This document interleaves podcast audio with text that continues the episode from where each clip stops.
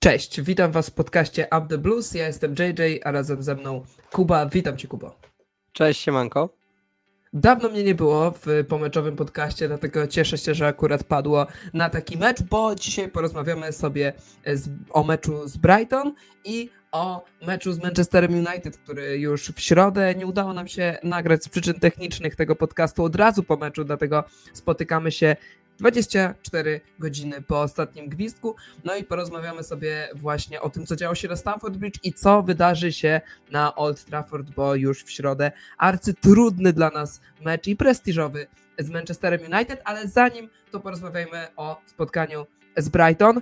Um, Kuba, jedna rzecz może, y, którą jeden, nie wiem, przymiotnik czy jedno określenie, którym y, byś opisał Chelsea w tym spotkaniu. Wydaje mi się, że chyba charakter, bo to, żeby nie, zagrać całą drugą połowę e, i żeby na koniec jednak tego meczu e, wynieść z tego spotkania trzy punkty, to wydaje mi się, że to było najważniejsze, bo nie znamy chyba takiej Chelsea, która by regularnie by mogła się podnosić po stracie zawodnika i utrzymywać prowadzenie przez 45 minut bez mimo wszystko kapitana Chelsea. E, więc e, tutaj bym na pewno dał plusik przy ekipie Chelsea. Kibice dzielą się na tych e, pozytywnych, tych tak, z takim pozytywnym nastawieniem i tych, z, i tych pesymistów z negatywnym nastawieniem. Ja jestem w drugiej e, grupie i dla mnie, jakbym miał powiedzieć jedno słowo, to bym powiedział, że jest to niedojrzałość. Wydaje mi się, że oba te określenia, i twój charakter, i moja niedojrzałość do Chelsea pasuje, bo oczywiście szacunek za to, co wydarzyło się w drugiej połowie, no ale jak rozmawiamy o tym meczu, to zacznijmy może od pierwszej.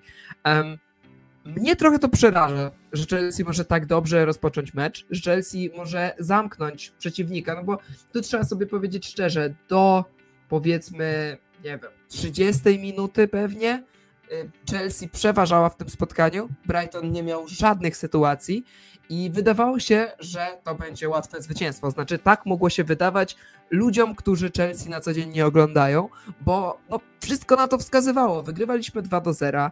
Mieliśmy jakiś patent na to Brighton, mimo problemów y, kadrowych. Oczywiście Brighton też ma problemy kadrowe, ale cały czas nie takie jak Chelsea. I no, wszystko się układało po naszej myśli. Potem strata bramki z niczego, absolutnie, to był w ogóle pierwszy strzał Brighton, czerwona kartka i wszystko się posypało. E, mi oczywiście, nie licząc wyniku, bardzo przypominało to spotkanie, czy ten moment pod koniec pierwszej połowy, to co działo się w meczu z Arsenalem, kiedy też w bardzo szybkim czasie straciliśmy dwie bramki, gdzie się to posypało przez jakieś błędy indywidualne. Wtedy meczu nie wygraliśmy, teraz się udało, ale no, według mnie, tutaj właściwie zadaję Ci pytanie tym moim stwierdzeniem, Chelsea, no jest to już jakaś reguła, że Chelsea nie umie trzymać wyniku i po prostu nie umie grać dojrzale.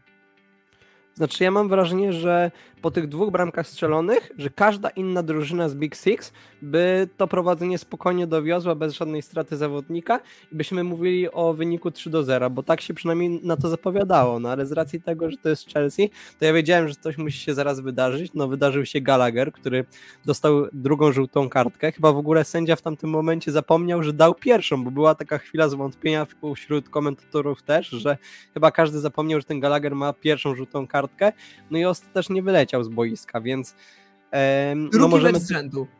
Drugi mecz z rzędu nasz, nasz e, kapitan dostaje drugą, dwie żółte kartki w rezultacie czerwoną. No i drugi mecz z rzędu robi to w absurdalnie jakiś taki niedojrzały sposób. Na początku Rhys James, jego czerwona kartka powiedziałbym, że była jeszcze bardziej absurdalna, ale zamknęła spotkanie z Newcastle. Nie takie złe w gruncie rzeczy spotkanie z Newcastle. Tam, gdyby nie ta czerwona kartka, gdyby nie błąd Tiago Silva, to myślę, że zupełnie inaczej patrzylibyśmy na Tam to się po prostu tak rozleciało tak, wszystko przez jeden tak, moment. Tak, tak, tak, dokładnie. E, no a teraz znów to samo no Chelsea to pokazuje po prostu, jak Chelsea jest jeszcze niedojrzałą drużyną jaki proces musi jeszcze, musi jeszcze przejść, żeby takie właśnie prowadzenia przynajmniej do, tej, do końca pierwszej połowy utrzymać bez żadnej straty zawodnika i bez takiego chaosu, który cały czas w tej drużynie panuje, jak coś się nie uda, bo to widzieliśmy w Newcastle, to widzimy teraz właśnie jak e, przydarza się właśnie taka bramka e, właściwie z niczego, tu czerwona kartka, no i widać to po prostu po Chelsea, że to nie jest drużyna, która umie jeszcze takie prowadzenie e, dowozić. No mnie martwi, że nie ma jednak tych liderów. E, ja rozumiem, w sumie wszystko to, o czym rozmawiamy, jest naturalną koleją rzeczy w przypadku Chelsea. W sensie nie można było się niczego innego spodziewać, według mnie, w momencie, w którym klub inwestuje tylko w młodych zawodników i e, ta zasada, że zawodnik powyżej 15, 25 lat jest już za stary, e, no musi się odbić właśnie w, w jakichś aspektach gry i właśnie takim aspektem jest, jest trzymanie wyniku, jest jakaś dojrzałość, jest po prostu nie tracenie głowy. No bo jak sobie spojrzymy, jakbyś powiedział, kto jest liderem Chelsea w tym momencie, poza oczywiście 39-letnim Thiago Silvą, byśmy rzucili nazwisko Enzo Fernandeza, czyli zawodnika, no jednak cały czas bardzo młodego, bo urodzonego w 2001 roku, dwa lata młodszego ode mnie. E, Conor Gallagher to jest mój rówieśnik przepraszam, to jest Paweł Rówieśnik, to jest, to jest zawodnik o roku ode mnie młodszy, rocznik 2000. Do tego nie wiem, kogo jeszcze można dorzucić. No można dorzucić Sterlinga, który jest troszeczkę starszy, ale dalej Levi Colville czy, czy Benoit Badiashile, no to te też są bardzo młodzi zawodnicy, więc gdzieś częścią budowania zespołu jest ta niedojrzałość, ale ona powoli mnie irytuje. I jeśli chcemy grać o poważne cele, a chcemy i wszyscy piłkarze i trener o tym powtarzają, no to to musi się zmienić. A uważasz, że powinniśmy ściągnąć kilku starszych zawodników zimą, czy to musi być po prostu wpłynięcie jakiegoś innego zawodnika typu Enkunku? No bo Enkunku to też nie jest taki młody zawodnik i czy myślisz, że on może sprawić, że ta gra będzie bardziej, będzie miała po prostu więcej liderów? Myślę, że w Enkunku jest jakaś e, nadzieja. Mm, to będzie coś w stylu Sterlinga. Myślę, że, że to nie będzie może zawodnik w stylu Terego, że czy Edena Hazarda, że jak się naprawdę dzieje bardzo źle, to on bierze całą grę na siebie. A dzisiaj akurat jak, jak rozmawiamy, e, o, ja dokładnie bodajże 10 lat od meczu Chelsea-Sunderland wygranego przez nas 4-3, w którym e, nam totalnie nie szło. To był taki mid mecz, mecz Chelsea tamtych czasach byśmy określili go bardzo słabym, w tych czasach to by był nawet solidny, no ale w tamtych czasach był, był naprawdę słaby mecz Chelsea i, i Eden Hazard wziął na siebie grę po prostu. Strzelił hat-tricka, grał fantastycznie i w pojedynkę rozwalił Sunderland. Nie liczyłbym na to w przypadku ani Sterlinga, ani e, Nkunku, chociaż oczywiście na przykład Sterling z Barney miał ten taki zryw i, i też właściwie może nie w pojedynkę, ale, ale był kluczowym zawodnikiem w tym zwycięstwie w tym sezonie, e, ale mm, no na pewno on nam pomoże, ale co do pierwszej części Twojego pytania, czy Chelsea kupi liderów? Nie. Wydaje mi się, że tu już jest taki plan postawiony na początku, nie, na, nawet nie teraz latem, tylko jeszcze latem w zeszłym roku, że nie kupujemy starych zawodników i tych liderów budujemy. I można, tak już kończąc temat niedojrzałości, no bo porozmawiamy zaraz na, na tematy milsze, bo jednak mówimy o meczu wygranym. Um, myślę, że mam nadzieję, że takie mecze i takie głupie kartki, jak ta tydzień temu w meczu z Newcastle i ta teraz e, dla Gallaghera w meczu z Brighton, no po prostu wzmocnią i całą drużynę i ich indywidualnie i że oni się na tych błędach nauczą, no bo kiedy mają się uczyć jak, jak nie teraz? I, i wierzę, że Gallagher nie będzie tak głupich kartek łapał i, i James, chociaż w przypadku tego pierwszego mam wątpliwości, bo to jest e, część jego gry. E, tak odchodząc może od, od tej niedojrzałości, a, a przechodząc do samej e, gry Chelsea, czy nie masz wrażenia, że mimo wszystko taka była taktyka i że w ogóle taka jest taktyka, że Chelsea w momencie, że, że Chelsea bardzo ryzykownie grało od początku z Brighton, a już w ogóle po, po zejściu, znaczy po czerwonej karce dla Gallaghera, to ryzyko w środku pola było ogromne i że Chelsea bazowała bardzo na faulach i że, i że tam mogło się jeszcze skończyć przynajmniej z jedną czerwoną kartką dla naszego piłkarza.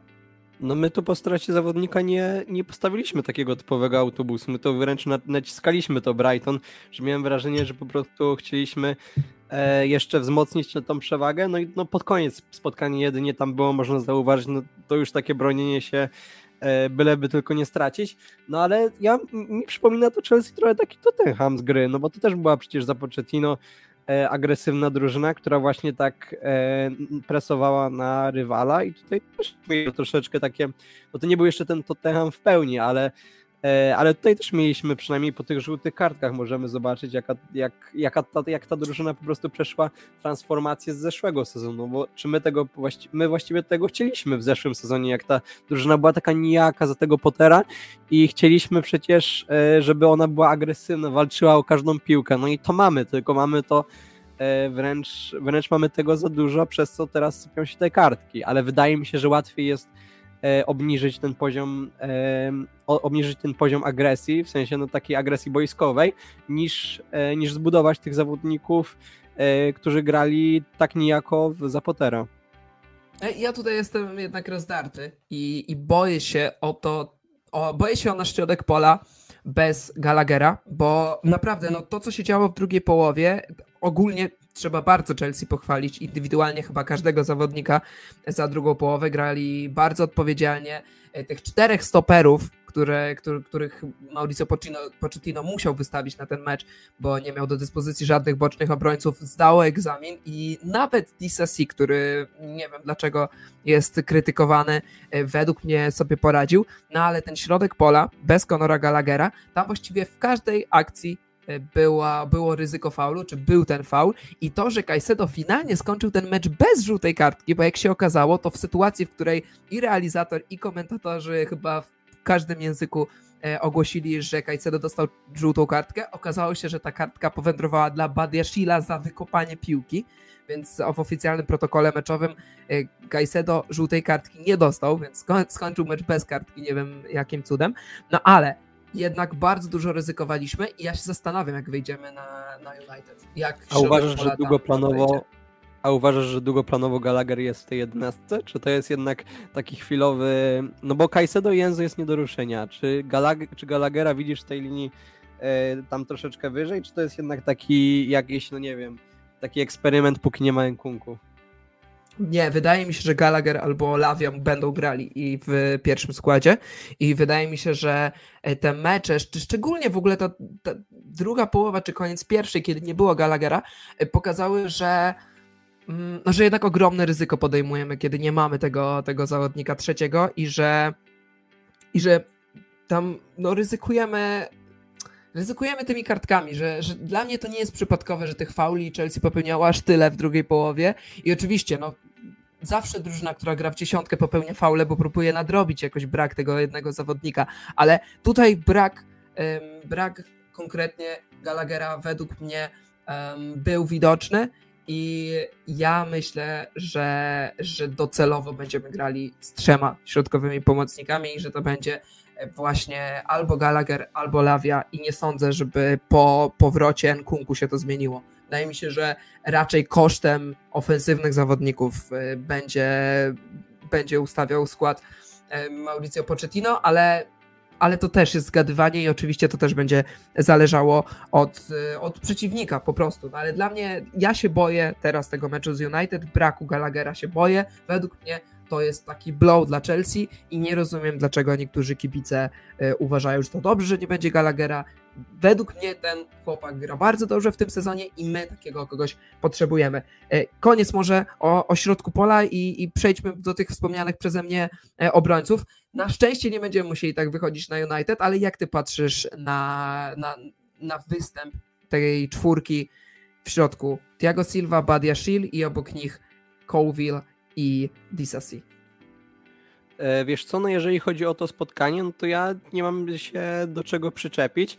E, no ale wydaje mi się, że na United ten Disasi nie wyjdzie, no bo będzie na pewno Rhys James jest pewniakiem tutaj i tylko mam problem z tym środkiem e, defensywy, no bo nie sądzę, że Pochettino zrezygnuje z Silwy, a z Badiashila, który też zagrał przecież teraz kozackie spotkanie, bo zaliczył tą ładną asystę, też w defensywie zagrał solidnie. No nie wiem, jak ten środek defensywy tam poukłada Pochettino, no bo Colwill jest też nie do ruszenia, no bo to jest teraz jednak zawodnik, który przeszedł na tą lewą stronę, więc tam nie będzie, tam nie ma po prostu co zmieniać. No i teraz pytanie, co ze środkiem defensywy, no czy wyjdzie Silva, wydaje mi się, Według że mnie to jest siądzie. Ja się nie zgadzam z tobą. Według mnie koło wielu siądzie. Jakby twoja, e, twoja opinia myślę, że jest popularna, ale ja się spodziewam w środku, według mnie środek jest nie do ruszenia, że Tiago Silva po bardzo Tak jest. Badia Chill w ogóle dla mnie to jest drugi najlepszy zawodnik tego meczu, bo jednak najlepszym był Enzo Fernandez, dwie bramki i też no, fantastyczne spotkanie, jeśli chodzi o wyprowadzanie piłki, jeśli chodzi o też e, odbiory, jeśli chodzi o utrzymywanie tej piłki w drugiej połowie. No za to wszystko musimy pochwalić Enzo Fernandeza. Gdyby Enzo nie strzelił żadnej bramki w tym meczu, a zagrał tak jak, a tak, zagrałby tak jak zagrał, e, trochę się tutaj pogubiłem, ale myślę, że każdy wie o co chodzi, to i tak trzeba by go pochwalić, bo no świetnie zagrał i e, odwalił po prostu kawał dobrej roboty i ciężkiej roboty. roboty nie bałeś się przy tym drugim miejsca. karnym, że, że tu wejdzie taka presja tego pierwszego, że gdyby drugiego jeszcze nie strzelił, bo przecież w tym meczu z West Hamem tam była nieudana próba i że tu już wejdzie taka psychika, bo ja się o to ba bałem strasznie oglądając mecz strasznie się odobałem, ale przez moment myślałem, że Mudryk będzie strzelał, bo tak jakoś mi to wyglądało i wtedy się bałem jeszcze bardziej. Jak zobaczyłem, że jednak nie Mudryk, to wtedy odetchnąłem i już stwierdziłem, dobra, musimy to strzelić. Ale ja to mam zerowe zaufanie do piłkarzy Chelsea w tym sezonie, więc ja to się boję przy każdym karnym, chociaż pewnie gdyby Palmer strzelał, to, to byłbym bardziej e, pewny. E, według mnie środek pola jest, środek obrony jest nie do ruszenia. E, Badia Shield zagrał fantastycznie, drugi najlepszy zawodnik tego spotkania. Thiago Silva podniósł się po fatalnym występie z Newcastle, to jak fantastycznie się ustawiał, szczególnie w drugiej połowie, no ja nie mam naprawdę zarzutów do jego gry w tym, w tym spotkaniu. Pewnie trzeci najlepszy zawodnik, jak już tak wymieniamy, to był Thiago Silva, no ale mam zarzuty do Cołwila, bo według mnie przy pierwszej bramce dał po prostu za dużo miejsca. Powinien tam jeszcze krok do przodu zrobić i no, wydaje mi się, że po prostu w takim momencie, w takim miejscu boiska, w jakim, w jakim się znalazł i nie może dać przeciwnikowi tyle przestrzeni i Błononate nie może oddać po prostu takiego strzału. To było za blisko bramki, powinien być bliżej niego. Tak, tak e, ja na to patrzę, chociaż oczywiście sytuacja była, e, poczekaj, sytuacja oczywiście była trudna, no i błąd krycia przy, przy drugiej bramce, bo też za za Pedro odpowiadał e, Colville, więc według mnie tutaj dwie brameczki z jego konta, ale szczególnie, no właściwie przy obu miał trudną sytuację, więc to, to nie jest tak, że to są 90% to jest jego e, wina, nic z tych rzeczy, no ale jednak ja bym odnotował, że można było się przy tych sytuacjach zachować lepiej. I ja się nie zdziwię, jeśli Pochettino postawi po prostu na, na Kukureję, no bo Kukureja wraca do składu po, po tym, jak się wykartkował z Newcastle. I no, Kukureja, Badiashil, Thiago Silva, e, Rhys James, taka, to, to, takie zestawienie, biorąc pod uwagę, że jednak będziemy, jednak siłą Manchesteru United jest szybki Rashford czy, czy, czy szybki Garnacho, no ja się nie zdziwię, jeśli, jeśli tak wyjdziemy, zwłaszcza jeśli, jeśli postawimy na ten bardziej ofensywny wariant, wariant z dwoma środkowymi pomocnikami, a pewnie najprawdopodobniej tak będzie, no bo nie ma kto zastąpić w tym momencie Gallaghera i, i, i, i, Palmer wskoczy na dziesiątkę i zagramy z dwoma skrzydłowymi Palmerem i jeszcze Jacksonem, no to spodziewam się, że taki bardziej defensywny, e, w takim bardziej defensywnym wariancie Kukureja, który mniej się angażuje do akcji ofensywnych i, i bardziej się skupia na defensywie, e, może być w oczach e, Pochettino i w moich oczach także lepszym rozwiązaniem. No ja mam problem z tym Kukurejem, bo, bo on zagrał bardzo słabe spotkanie z Newcastle i tutaj mam ten, kurczę, ten dylemat, bo on wcześniej grał dobrze, ale tutaj no mi się nie podobał w tym meczu z Newcastle przynajmniej. No nie mówię nawet o tym wykartkowaniu, ale, ale całokształt, no chociaż tam każdy zagrał słabo, nie? Tak patrząc e, całościowo. Tak, ale, ale to no, nie, nie, da się, nie da się ukryć. Zobaczymy. Ja stawiam na, ja stawiam na Kukureję, ty stawiasz na Kołwila. Według mnie, kto by nie wyszedł, to, to, to będzie dobrze. E, ja nie będę jakiś zły, jak, jak wyjdzie Kołwil. Tak się właściwie waham, która opcja była lepsza, ale obstawiam, że Pochettino postawi akurat w tym spotkaniu na e, Kukureję. Jeszcze tak zanim przejdziemy do meczu z United, bo trochę nas ciągnie w tym kierunku, to pochwaliłbym Sancheza. To muszę to odnotować, bo nie jestem jego wielkim fanem, ale, ale wydaje mi się, raczej jestem pewien, że przy obu bramkach nie miał szans, a poza tym bardzo pewnie grał. Pewnie grała cała defensywa, więc może miał ułatwione zadanie, no ale to, ile ja go naobrażałem na Twitterze czy, czy tutaj w podcaście, to, to teraz trochę się mam wyrzuty sumienia w takim sensie, że czuję, że muszę go pochwalić. To chyba bez Ale ja mu nadal tak do końca nie ufam, bo to jest dla mnie kurczę taki nie. bramkarz kazus e, Dawid De Gea, który ci potrafi zaraz wyjąć okienko, a później poda do przeciwnika i z tego jest bramka. I dlatego mu kurczę cały czas tak z jednej strony za te interwencje można się napatrzeć i fajnie, że tak broni na tej linii e, i że mamy przynajmniej w tym pewnego golkipera, no ale nogi, gra nogami to jest jak Mendy. Cały czas jest po prostu zawał, jak do niego idzie piłka. Przecież w tym meczu też była taka Czy może nie jak Mendy, gdzie przepuścił tą, gdyby stał delikatnie dalej, to by ta piłka po prostu weszła do bramki, bo chyba tak chciał przyjąć piętą i, i tak się delikatnie zagapił i później musiał e, wracać po tą piłkę. Ta śliznęła mu się ta piłka chyba po prostu, ale no tak, może tak. nie jak Mendy, bo, bo, bo, te celne podania Sancheza bywają imponujące. On, on serio potrafi podać do nogi na 40-50 metrów nawet, ale rzeczywiście czasami mu odcina prąd. Ja też absolutnie mu nie ufam, ale, ale za ten mecz po prostu go chwalę. Mudryk i Jackson to jeszcze zawodnicy, których na pewno musimy omówić. zacznijmy może od y, Ukraińca. Wiesz co, dla mnie trochę taki występ, gdyby nie ten rajd pod koniec meczu, to dla mnie trochę bezbarwny. Ja bym, ja bym liczył więcej, jeżeli chodzi o Mudryka. No dla mnie dwie akcje, które zapamiętały, zapamiętałem, to był ten rajd i jeszcze ta akcja, gdzie się tak ładnie obrócił i gdyby tam e, padła bramka z tego strzału z dystansu, no to wtedy okej, okay, to już bym wtedy oddał Mudrykowi, ale poza tym to wydaje mi się, że większość akcji chyba szła po stronie Sterlinga, jeżeli się nie mylę. O ten jeszcze właśnie ten rajd w pierwszej połowie, taki co tuż po stracie bramki, Mudryk dośrodkował i tam nie Jackson, ale któryś z obrońców kopnął piłkę i e, minimalnie brakowało jej, by, było, by, by, była bramka samobójcza, więc za to jeszcze trzeba go pochwalić. Według mnie jak, jak na Mudryka to zagrał przyzwoicie, ale wiadomo, że tam oczekiwania cały czas są dużo, dużo większe, więc e, trochę się z tobą zgadzam, ale też trochę bym go po tym meczu bronił. Wyjdzie na United, na United czy nie? Myślę, że tak. Myślę, że tak. Myślę, że, że wyjdzie, że wyjdzie no, Jackson w ataku, Mudryk, Sterling i, i Palmer, Palmer. Gdzieś w, takiej, w takim wariancie, wiesz, w takiej roli Gallaghera. Tak się spodziewam, bo trochę nie widzę innej opcji. Nie wiem, czy ty widzisz no nie mamy kurczę kim teraz zagrać. No nie wiadomo, czy ten Enkunku będzie na ławce już, ale to jest takie i, ta, i tak i tak nie będzie od pierwszej minuty, więc no poza tym nie widzę nikogo innego na tej ławce, kto mógłby zagrać. No jedynie jeszcze Madueka, ale to też nie jest piłkarz w rytmie meczowym, więc... No więc myślę, że, że tak, że tutaj, że tutaj Mudryk zostaje w składzie, Palmer wskakuje za Gallaghera i, i, i jedziemy Jasne. z tym po prostu.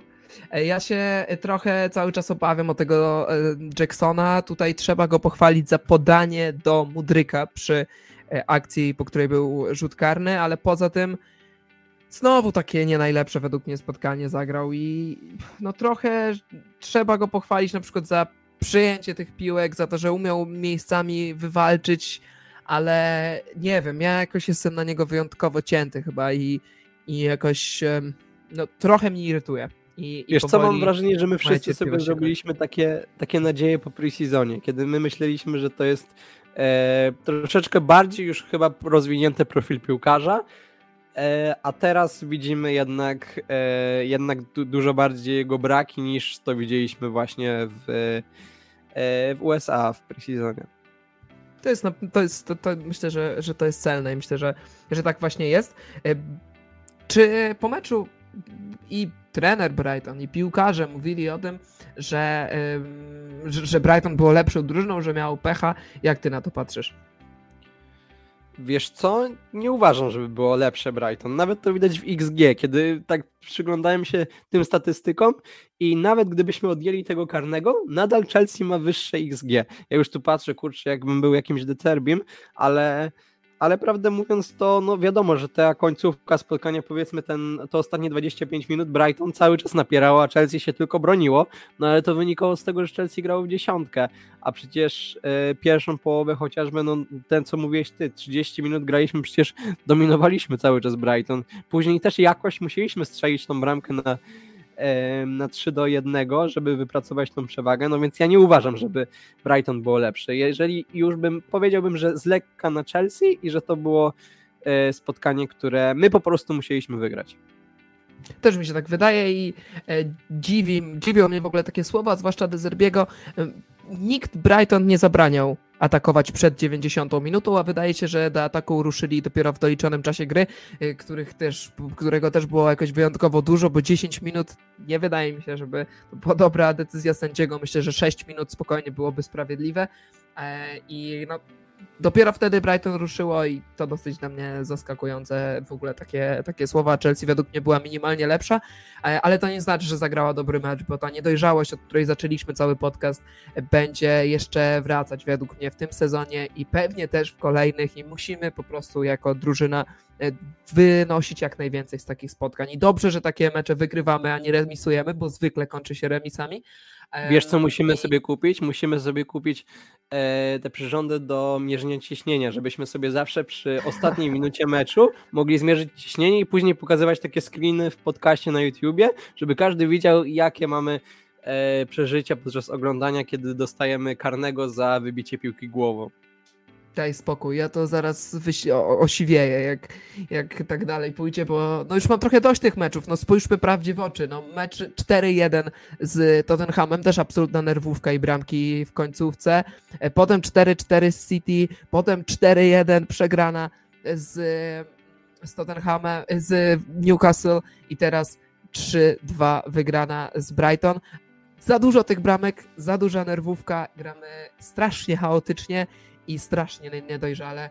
I po prostu też nasza historia, historia Chelsea pokazuje na to, pokazuje to, że, że zawsze wygrywamy, zawsze Chelsea jest najsilniejsza w momencie, w którym traci mało bramek i w którym ten chaos jest jak najmniejszy, a w ostatnich miesiącach czy w ostatnich, nie wiem, latach już nawet ten chaos jest ogromny i o, o, ile wydaje mi się, że Pochettino robi co może, to okoliczności, ale też sami piłkarze Chelsea swoimi indywidualnymi decyzjami mu zwyczajnie nie pomagają. Przejdźmy na sam koniec, na kilka minutek do meczu z Manchesterem United.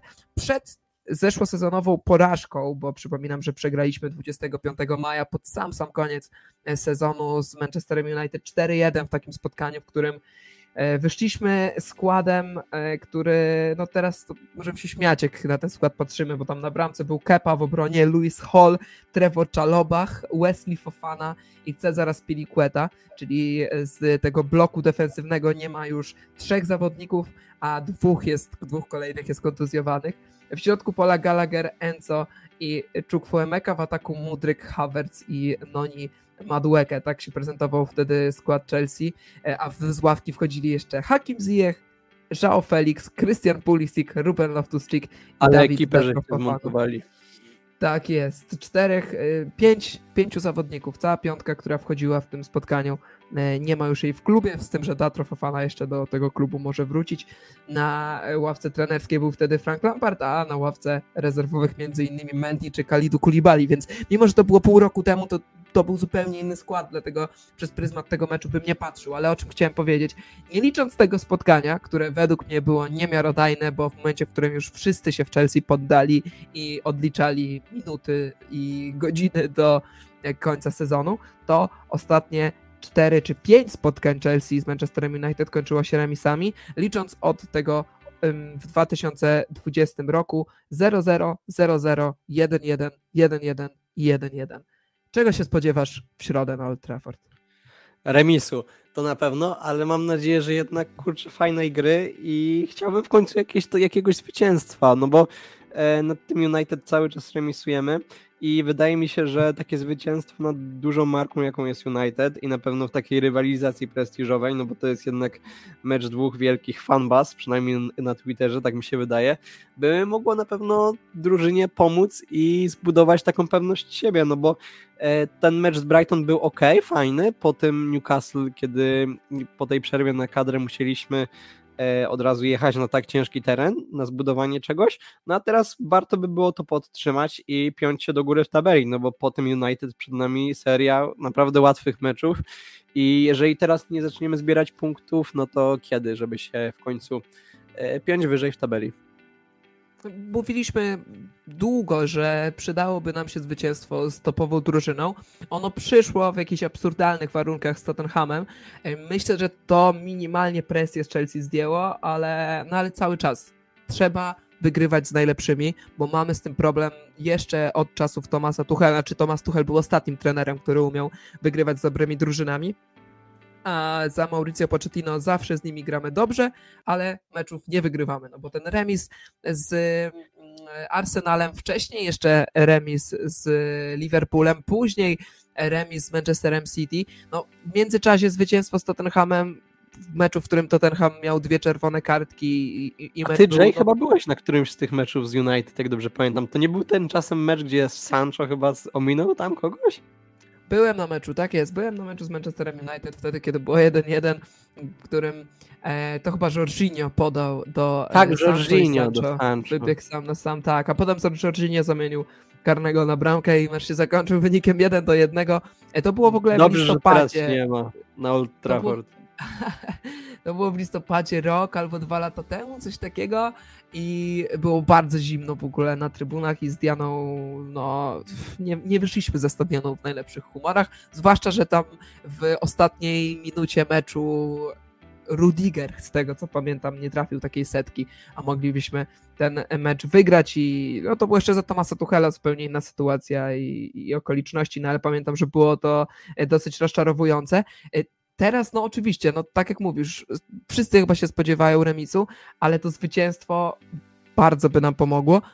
Ale tak naprawdę bardzo trudno przewidzieć, co tam się wydarzy, bo to jest mecz dwóch dziwnych drużyn. United jest atakowane zewsząd i krytykowane, zresztą nie ma co się dziwić. Fatalna postawa w meczach Ligi Mistrzów, bardzo zły mecz z Newcastle, no ale jak spojrzymy na ich serię meczów ligowych, no to skromne zwycięstwo z Fulham po bardzo nijakim meczu, skromne zwycięstwo z Luton po bardzo nijakim meczu. Wiesz co, oni są z... trochę przeciwieństwem nas. My gramy tak, fajnie, ale nie zdobywamy punktów, a oni grają jakąś tragedię, ale zawsze zdobędą te trzy punkty, nieważne jak. Dokładnie, dokładnie e, to, to, to, to chciałem powiedzieć, że że trochę tak jest, tylko oni mają patent na wygrywanie meczów, nawet jak im nie idzie, a my no nie no mamy patentu na, na wygrywanie meczów, nawet jak nam idzie. Tak, no to im, to, to im wychodzi na dobre, bo biorąc pod uwagę, jak słabo Manchester United gra i jak jest krytykowany, no to nie jest w jakiejś fatalnej sytuacji. 5 e, punktów straty do czwartego miejsca, no to nie jest, nie jest złe w porównaniu z naszym dziesiątym miejscem i stratą do, do czwartego miejsca dziesięciopunktową. Więc y, trudno coś przewidzieć, ale ja chciałbym, w sensie wydaje mi się, że e, dla nas zwycięstwo w tym meczu może być kluczowe i nie ma lepszego momentu, żeby e, wygrać z Manchesterem United. Ja szczerze powiedziawszy, obawiałem się tego, że już po meczu z Newcastle Erik ten Hag zostanie zwolniony. Weszłaby tam e, jakaś nowa miotła, tak jak w tym meczu, na którym byłem, w tym meczu, o którym wspomniałeś, tam tuż przed, przed spotkaniem z Chelsea, e, Michael Carrick przyszedł na dwa tygodnie i oczywiście ustawił tak Manchester United, że, że padł remis, a wydawało się, że, że, że rozpędzona Chelsea, e, która kilka dni wcześniej pokonała w Lidze Mistrzów Juventus 4-0, po prostu musi się po Manchesterze United przejechać. Weszła ta nowa miotła i się wygrać nie udało. Teraz nowej miotu nie ma. Jest jeszcze stara, która na pewno zostanie zwolniona, bo ja obstawiam, że Erik Ten Hag, że jego dni są policzone i jeśli on dotrwa nowego roku, w Manchesterze United, to bardzo się zdziwię. E, podobno on stracił szatnię, widać po zachowaniach między innymi Rashforda, że tam się źle dzieje, coś w środku, więc kiedy ich pokonać? Jak nie teraz, szkoda tylko, że nie będzie Masona Mounta, bo to by jeszcze była dodatkowa motywacja, przynajmniej dla kibiców Chelsea, więc kiedy, jak nie teraz? No, jeżeli chodzi jeszcze o, o Mounta, to ważne, żeby był na mecz na Stamford Bridge, bo tam się będzie chyba działo więcej niż na Old Trafford, jeżeli chodzi o kibiców. No ale miejmy nadzieję, że jednak zdobędziemy te trzy punkty, no i, i po prostu tą pasę przełamiemy i że po prostu będziemy. Przede wszystkim mam nadzieję, że, że zagramy dużo lepiej niż z Newcastle, bo boję się, żeby to nie było znowu takie, e, takie coś jak wielka, wielka firma, tak jak z Newcastle i e, wielki stadion i żeby to wszystko nie przytłoczyło zawodników, no ale mam nadzieję, że są na tyle profesjonalistami, też... że sobie z tym poradzą i no i nie ja... będzie tej presji. Znaczy Kuba też e, no, z całym szacunkiem do Manchester United, do Old Trafford, do ich kibiców i do wszystkiego, ale no, atmosfera w Newcastle to jest najlepsza atmosfera w Premier League. Na Old Trafford nie było takiej atmosfery pewnie od ponad 10 lat i e, to, to jest w ogóle niemiarodajne według mnie i występ e, z Newcastle, bo Newcastle jest rozpędzoną młodą drużyną z młodym trenerem. y, Tam panuje fantastyczna atmosfera w zespole, fantastyczna atmosfera na stadionie. Wszystko im się układa. Manchester United, fatalna atmosfera na stadionie, fatalna atmosfera w klubie, więc tego dodatkowego elementu, tego, tego minusa, że gramy na wyjeździe, według mnie w tym przypadku nie będzie. Mówisz o tej pasie, ja tak luźno liczę w głowie, bo nie, nie przygotowałem się może pod tym kątem, ale według mnie ostatnie zwycięstwo Chelsea ligowe z Manchesterem United to był rok 2017 i, i, i wtedy, kiedy ich pokonaliśmy 1-0 po bramce Alvaro Moraty po dośrodkowaniu Cezara Spilicuety, takie, taka słynna już bramka e, Alvaro Moraty. Od tego czasu według mnie w lidze ich nie pokonaliśmy. Pokonaliśmy ich w pucharach, ale nie w meczu ligowym. E, luźno e, licząc 6 lat, a właściwie ponad 6 lat temu ostatni raz ich pokonaliśmy. Przyszedł czas. No, oby to było, oby to było teraz i żebyśmy po prostu spotkali się na podcaście i rozmawiali tutaj o zwycięstwie, a może nawet i, e, i pewnej, e, takim chciałem powiedzieć pogromie, ale pogrom to chyba za duże słowo bym powiedział, ale takie pewne zwycięstwo 2-0 na pewno by nas ucieszyło. Dobra, ty mówisz 2-0, ja mówię 2-1, ale, ale to jest takie pozytywne spojrzenie na sytuację, bo obaj zdajemy sobie sprawę, że i tak będzie remis albo ten mecz przegramy, no ale dobra. Ja mówię 2-1, ty mówisz 1-1 2-0, i, i Rashford w 90 plus 4. ty mówisz 1-1. Dobra, ja mówię 2-1. ale tak, wiem o co ci chodzi. E, Zresztą, kiedy to było? Rok temu czy dwa lata temu? Półtora roku temu. Kiedy Tak, wygrywaliśmy półtora 1-0 po bramce Jorginho i Casemiro strzelił nam e, bramkę po Ta dośrodkowaniu. bramka mnie chyba bolała tydzień, pamiętam. Bo po prostu Tak. nienawidzę tych strzelonych bramek, kiedy w końcówce przychodzi taki moment i już myślisz, że masz te trzy punkty i na końcu okazuje się, że taki Casemiro ci z głowy wali ła- piękną bramkę w końcówce meczu. No niestety, to boli najbardziej. E, To na szybko, na sam, sam koniec składy, jakie według ciebie, e, skład, jaki według ciebie e, zobaczymy. Mówię oczywiście o składzie Chelsea, bo akurat Manchester United nie będziemy zgadywać. Dawaj. E, Jeżeli chodzi o Chelsea, to wydaje mi się, że na pewno no, Sanchez w bramce. Jeżeli chodzi o linię obrony, to już sobie wcześniej omówiliśmy, ale jeszcze tu powiem, że dla mnie James, Silva, Badiashil, e, Colwill, w środku wiadomo Enzo Caicedo i w ataku Sterling, Mudryk, Palmer i Jackson. No dobra, i tu stawiamy kropkę, trzymamy kciuki, że za, za kolejne trzy punkty Chelsea. Ja naprawdę, no dla mnie Manchester United jest rywalem numer jeden i mam już dość przegrywania z nimi. Mam dość tego, że nawet jak oni są w fatalnej formie, to z nami wygrywają albo remisują. Teraz musimy wygrać. Nie to I lepszego- rywal numer jeden. Dla mnie osobiście United, dla mnie osobiście United. No United, Tottenham, Liverpool to taka, taka grupa trzech największych rywali i, i United na pierwszym miejscu. Jednak ja jestem wychowany na tej rywalizacji z Manchester United. Czyta o W sumie my jako 2005, Chelsea mamy 2006. chyba takiego rywala głównego. To chyba każdy w sumie uznaje kogo. To, za nie, no chyba Tottenham jest. Mimo wszystko lokalnie jest? Tottenham, ale, ale, ale też to jest, to jest trudne. To jest temat na inny podcast, dlatego zrobimy sobie na pewno kiedyś podcast o, o tych rywalach e, Chelsea, bo, bo to jest akurat ciekawe, bo myślę, że u nas to wygląda inaczej, tak jak, tak jak zauważyłeś, niż w innych klubach, ale dla mnie osobiście Manchester United, dlatego wierzę, nie wiem czy wierzę, chciałbym wierzyć, że przyszedł nasz moment. Dziękujemy Wam bardzo za dzisiaj. Rozgadaliśmy się trochę. Widzę, że na liczniku prawie 40 minut, ale to dlatego, że mnie dawno nie było w podcaście i chciałem sobie pogadać. Dziękuję bardzo, Kuba. Dzięki. Przypominam, że możecie nas wesprzeć na stronie buycoffee.com. Tam nawet symboliczna kwota nam pomoże, e, żebyśmy no, wnieśli ten podcast na wyższy poziom. Też przypominam o obserwowaniu nas na Twitterze, o obserwowaniu nas na YouTubie, o gdzie jeszcze? Obserwowaniu naszych kanałów na e, w socialach i na Spotify. A, a propos Spotify, dziękujemy wszystkim, którzy nas oznaczali po e, tym Spotify Wrapped. Było was trochę, rekordowe wyniki dla naszego podcastu, dlatego jest nam super, super miło. Ja jestem JJ, kłaniam się i do usłyszenia już niedługo po spotkaniu z Manchester United. Cześć!